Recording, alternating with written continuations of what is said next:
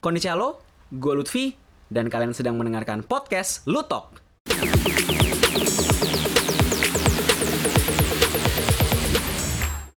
Dan di episode podcast season ketiga episode pertama ini gue akan membahas tentang yang namanya uh, riset ya. Mungkin bahasannya akan ag agak berat tapi sebenarnya yang pengen gue tekankan di episode season ketiga episode satu ini sebenarnya riset yang bukan riset yang emang riset yang wah gitu ya kan. Karena begini kadang kadang-kadang ketika orang ini uh, mendengar kata riset gitu orang-orang langsung kayak ini apa sih? Pasti kontennya berat segala macam atau misalnya wah kok bahasnya sesuatu yang berat? gitu ya kan. Enggak seperti itu gitu. Tapi sebelum gue membahas kenapa sih uh, riset kecil-kecilan ini penting gitu? Gue gua akan sedikit menceritakan ya uh, latar belakang kenapa gue membuat uh, episode podcast ini yang berhubungan dengan riset gitu ya kan.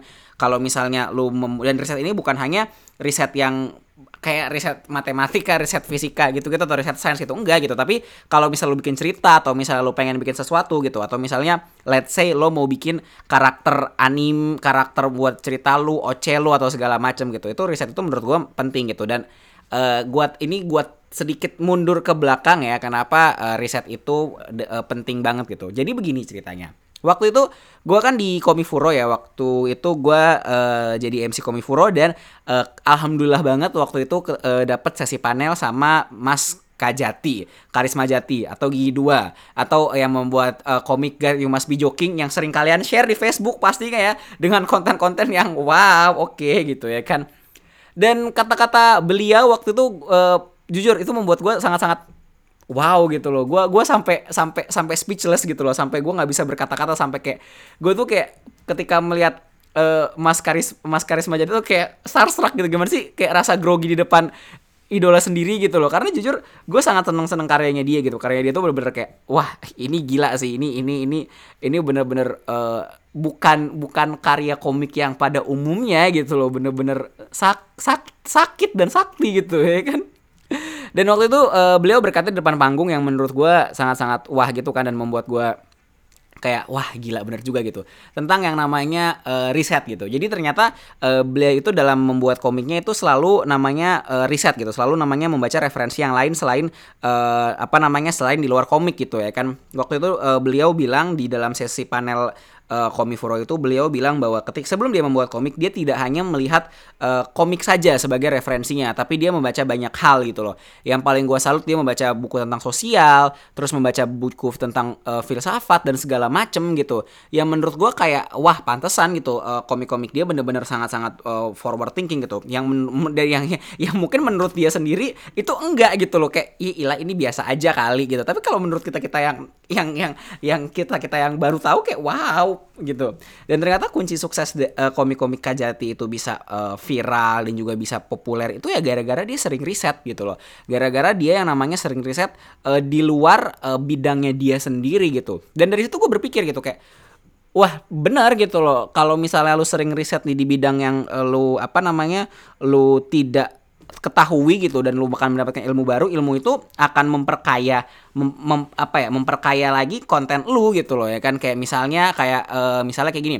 Oh lu mau misalnya mau bikin cerita fantasi atau cerita tentang uh, fantasi gitu. Fantasi let's say lah fantasi gitu. Oh fantasi ini di Indonesia ini setelah gua riset ternyata nggak nggak terlalu laku banget. Akhirnya coba deh kalau misalnya fantasinya perspektifnya dari luar gitu. Atau let's say kalau misalnya lu pengen bikin cerita tentang drama atau romance gitu ya kan? Lu lihat referensinya bukan hanya dari uh, drama komik komik drama romance atau segala macam tapi lo lihat misalnya kayak oh kenapa sih drama romance laku gitu kan. Lalu lu riset gitu apa sih yang membuat formulanya laku gitu? Jadi kayak lu baca 100 komik romance terus akhirnya lu menemukan suatu pengetahuan bahwa oh ternyata komik uh, romance yang laku dan menggugah tuh kayak gini gini gini gini gini gini gitu ya kan.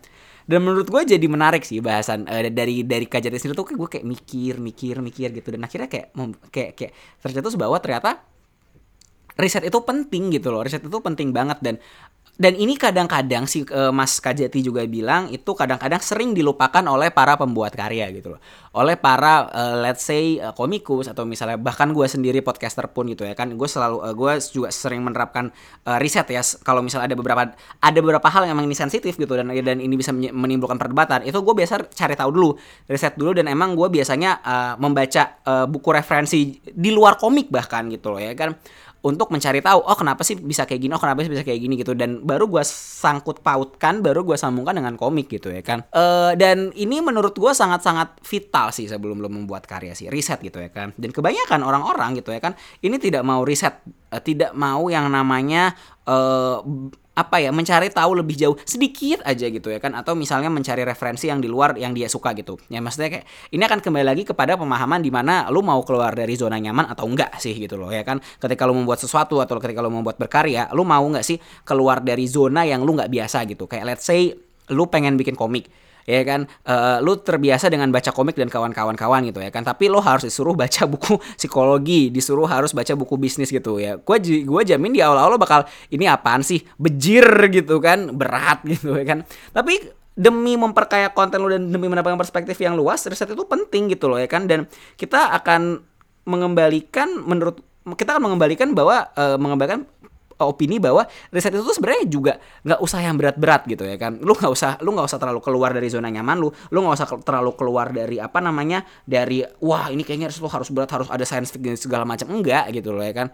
Dan ini menurut gua yang kayak dilupakan sih sama orang-orang gitu ya kan. Karena karena kataannya riset gitu kan dan orang Indonesia you know gitu kan malah sekali um, meriset sesuatu gitu ya kan itu akan berbahaya menurut gua kalau misalnya lu tidak meriset sesuatu gitu loh. Kalau misalnya lu tidak me, apa ya mengambil referensi yang lain gitu dari uh, dari apa yang lo nggak tahu gitu itu sangat berbahaya gitu loh menurut gua. Jadi kayak lo akan bikin cerita sama seperti orang lain gitu loh. Dan lo akan terlalu terlalu copy paste dari komik atau dari cerita yang lo suka gitu ya kan. Ini tapi ini bukan bukan hanya berlaku di komik ya. Kalau misalnya lo bikin novel light novel dan segala macam ini juga berlaku gitu ya kan. Nah kita balik lagi bahas riset gitu loh menurut gua uh, bagaimana sih riset efektif riset yang efektif gitu? Mungkin ada yang bertanya gitu kan uh, ya riset kan berat ya kan? Nah bagaimana caranya membuat riset, riset itu menjadi sebuah gampang dan sesuatu yang menyenangkan gitu loh ya kan? Dan bagaimana membentuk uh, habit ya membentuk kebiasaan untuk meriset gitu loh ya kan? Untuk ibarat kata mencari referensi lah ya mencari referensi di luar apa yang lo tahu gitu. Bagaimana sih caranya gitu ya kan Sebenarnya simpel sih sebenarnya. Risetlah dari hal yang lo lihat sehari-hari dulu gitu loh. Risetlah, lihatlah hal yang lo lihat di sekitar lu dulu gitu loh. Dan lo cari tahu kenapa hal itu bisa terjadi gitu ya kan. Nih, contohnya adalah Hayao Miyazaki. Siapa sih yang nggak kenal bapak uh, kakek Hayao Miyazaki, salah satu founder Ghibli gitu, yang bilang adalah anime modern itu sampah semuanya ya kan. Dan dan berbagai macam uh, apa uh, omongan-omongan lainnya apa ini anime sekarang penuh dengan komputer. Ih, jijik gitu. Saya pensiun dari anime. Eh, tiba-tiba saya apa namanya? Saya pensiun. Saya kembali ya kayak YouTuber. Jadi gini, uh, Miyazaki ini punya pendapat yang menarik gitu kan uh, tentang uh, riset sendiri gitu kan dan tentang melihat hal-hal yang kehidupan hal-hal sehari-hari yang dekat dengan kehidupan kita gitu ya kan dengan apa yang kita alami gitu kan. Jadi waktu itu dia bilang gitu kan, uh, kenapa anime-anime zaman sekarang itu lost sense apa ya? Uh, sense of touch gitu. Maksudnya kenapa anime sekarang tuh kelihatannya kayak duh ini tontonan untuk otakku banget gitu ya kan. Karena uh, para pembuat anime itu lupa bahwa uh, kita tuh harus melihat sebelum kita membuat karya kita harus melihat kehidupan sehari-hari dulu gitu loh.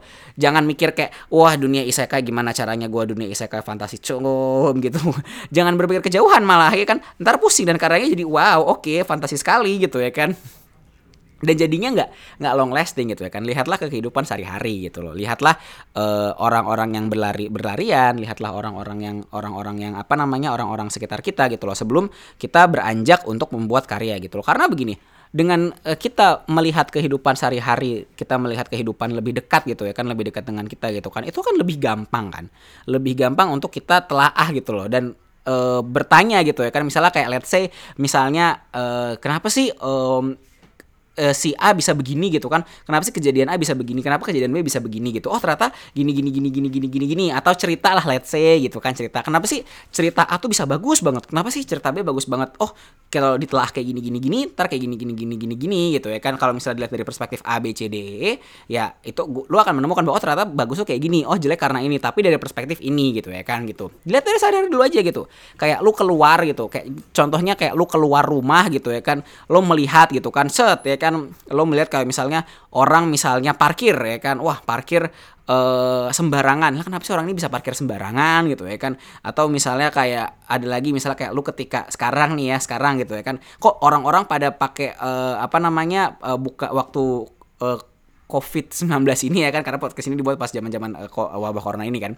Uh, kenapa sih orang tuh kalau ke toko Alfamart atau misalnya gitu-gitu ya kan bukanya pakai uh, bahu dan pakai baju gitu. Kan ada alasannya gitu kan dan itu kan bisa menjadi pengetahuan baru gitu loh menurut gua gitu. Nah, di Indonesia sendiri menurut gua ya karena kita negaranya bukan negara scientific scientific banget ya bukan negara peneliti ya ya kan. Jadi kadang-kadang kita tuh kayak malas riset gitu loh. Dan ya tadi gitu berbahaya gitu. Karena kalau misalnya lu tidak meriset dari apa yang lo suka dan dari apa yang lo lihat sehari-hari gitu loh lo akan bikin karakter atau misalnya bikin cerita itu bakal sangat-sangat fantasi gitu loh. Kayak karakter ini anime banget misalnya kayak wah karena lo tidak melihat human gitu kan lo tidak lo tidak berinteraksi lo tidak ber, meriset uh, karakter masing-masing orang dan dan meriset karakternya teman-teman lo sendiri dulu deh gitu ya kan. Lo akan bikin karakter pasti akan sumber-sumber imba gitu loh. Kayak misalnya kayak tipikal-tipikal Kirito tapi kekuatannya triple 20 atau triple 200 gitu. Kayak wah udah jadi raja demon raja api.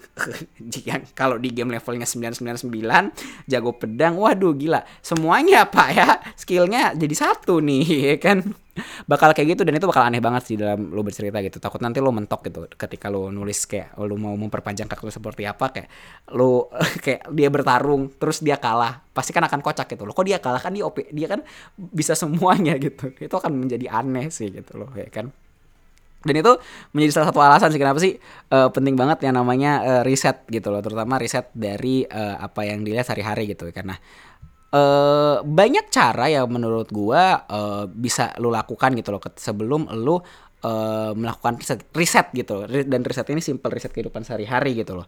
Yang pertama adalah uh, lu uh, selalu bertanya sih akan sesuatu sih. Selalu bertanya dari yang lo suka dulu gitu ya kan. Misalnya kayak lo suka komik A gitu ya kan. Misalnya let's say uh, lo suka komik uh, Kimetsu no Yaiba gitu. Kenapa sih Kimetsu no Yaiba kayak gini? Kenapa sih uh, Muzannya kayak gini? Kenapa kayak gini? Kenapa kayak gini? Nanti abis itu dari lo bisa melihat opini-opini ya kan dari YouTube YouTube segala macam. Itu kan riset juga gitu kan riset cerita gitu. Atau sekarang misalnya lu suka isekai gitu kan. Uh, atau sao lah ya basic banget ya Allah uh, sawat atau misalnya kayak anime-anime isekai gitu kan anime-anime isekai misalnya kenapa sih anime isekai kayak gini kenapa anime isekai plotnya kok begini-begini aja gitu eh kenapa sih si uh, si A ini lucu kenapa sih anime yang isekai A lucu banget Konosuba lucu banget. Kenapa sih si anime yang ini meskipun isekai komedi B aja gitu, biasa aja gitu. Itu lo bisa itu lo bisa riset dari situ juga gitu ya kan. Nanti kalau misalnya udah kayak gitu, itu kan dari apa yang lo suka. Nah, next stepnya adalah dari kehidupan sehari-hari, ya kan? Lo bisa riset juga gitu kayak kenapa sih si A bisa begini? Kenapa sih uh, uh, orang B kok musuhan sama gue ya gitu? Oh, ternyata dia kayak gini gini gini. Wah, bisa tuh jadi cerita. Jadi bahan inspirasi lagi buat cerita, ya kan? Jadi gitu. Terus nanti selebihnya ya udah lu bisa riset dari apa yang lo eh, bener-bener yang lo di luar kemampuan lu gitu, di luar batas kemampuan lu untuk menambah skill baru gitu ya kan. Kayak misalnya lu baca buku yang politik atau misalnya baca buku sosial gitu, tapi itu dengan catatan bahwa lo udah siap gitu untuk menerima referensi baru itu gitu. Kalau misalnya lo nggak siap sama sekali, ya lo bakal pusing dan lo bakal tidak menerima apa pun gitu loh ya kan. Nah, akhirnya ini kembali lagi ke uh, bahasan yang awal gitu bahwa uh, bahwa riset, riset itu tuh penting banget bukan hanya dalam hal bercerita atau misalnya dalam hal uh, membuat suatu karya gitu tapi dalam beropini juga perlu ada riset gitu ya kan even opini pun yang terkesan tidak faktual pun juga harus ada riset gitu loh ya kan dan ini menurut gue sangat-sangat uh, penting gitu loh. Dan kalau misalnya lu mau dianggap opini lo valid gitu ya kan atau opini lo ada isinya ya lo harus memperkaya diri lo sendiri dulu sebelum lo uh, bisa maju ke uh, maju untuk berpendapat untuk beropini lebih lanjut gitu. Dan untuk menimbulkan diskusi yang sehat gitu. Karena lo udah punya senjata nih riset ini kayak lo udah punya senjata referensi yang lo siap uh, keluarkan ketika ada perdebatan gitu. Tapi ini bukan tapi ini untuk bukan memenangkan perdebatan ya, tapi untuk membuat kita berdebat itu ilmu kita semakin kaya gitu loh, bukan hanya cuman sekedar oh uh, gua menang, uh, lu kalah debat, haha, nggak kayak gitu. Itu bukan esensinya berdebat gitu menurut gua gitu loh. Eh, esensinya berdiskusi lah ya, berdiskusi gitu ya kan diskusi diskusi sesuatu gitu dan nanti ujung-ujungnya ketika lu riset dan lu uh, bisa mengembangkan sebuah diskusi gitu, itu akan terjadi kultur yang sehat gitu loh menurut gua. Kultur yang benar-benar di mana lu tuh bukan hanya sekedar cuap-cuap uh, cuap-cuap atau misalnya bikin karya yang ya udahlah bikin karya bikin karya aja nggak usah riset segala macam gitu. Tapi ada isinya dan ada maknanya dan bisa mempengaruhi orang lain bisa menginfluence orang lain gitu loh. Bukankah itu kan yang mau diinginkan oleh para kreator gitu loh menurut gua gitu ya kan? Uh, agar karya ini bisa dikenang uh, selamanya bahkan gitu ya kan? Bukan cuman sekedar uh, cuman asal lewat di timeline itu atau misal asal jual di komifur atau segala macem gitu nggak kayak gitu kan. Tapi kan pengen diingat selamanya gitu ya kan. Jadi menurut gue sendiri kalau misalnya karya lu pengen diingat selamanya gitu loh atau karya lu pengen diingat terus ya riset lah terus menerus gitu. Dan nggak nggak harus kok risetnya harus gede atau misalnya kayak wah harus ada oh hitungan scientific segala macam harus ada oh, apa namanya metode-metodenya. Enggak kok. Riset dulu aja dari apa yang lo suka. Lu lu selalu bertanya why sih kayak asking for why gitu. Kenapa ini bisa terjadi kenapa ini bisa terjadi kenapa ini bisa kayak gini kenapa ini bisa kayak gini gitu kan. Dari situ ya lu bikin teori misalnya kayak lu baca-baca teori fandom ya kira lu menemukan jawaban dan lo melihat kehidupan sehari-hari ya lo akan berkembang lagi pemikirannya gitu. Dan ketika pemikiran lo makin berkembang gara-gara riset kecil-kecilan yang udah lo jadikan kebiasaan ya lo pasti bisa membuat karya bisa menjadi lebih baik lagi dan dikenang oleh semua orang. Dan ya ketika lo membuat karya atau membuat sesuatu kalau misalnya karya lo dikenang semua orang itu kan salah satu goal dari semua kreator kan agar karyanya terus dikenang semua orang dan bisa membawa perubahan bagi orang lain. Kamu bisa memberikan pendapat tentang episode ini melalui suara. Langsung aja ya, klik bit.ly garis miring pesan ke Lutok. Sekali lagi ya, bit.ly garis miring pesan ke Lutok. Pesan yang menarik bakal muncul di episode podcast Lutok berikutnya. Kalau kamu suka podcast Lutok, jangan lupa untuk memberikan donasimu ke platform apresiasi kreator Karya Karsa di karyakarsa.com garis miring Lutfi Suryanda. Sekali lagi ya, di karyakarsa.com garis miring Lutfi Suryanda. Mulai dari sepuluh ribu rupiah aja, kamu bisa membantu podcast ini untuk membuat konten yang lebih baik buatmu. Terima kasih telah mendengarkan podcast Lutok follow atau subscribe podcast ini di platform podcast favoritmu. Jangan lupa juga untuk follow Instagram Lutfiworks di @lutfiworks underscore 95, Twitter di @lutfikentweet, dan jangan lupa buat like FB-nya yang namanya Lutfiworks. Gue Lutfi, sampai bertemu di episode podcast berikutnya. Plus Ultra, sayo dadah!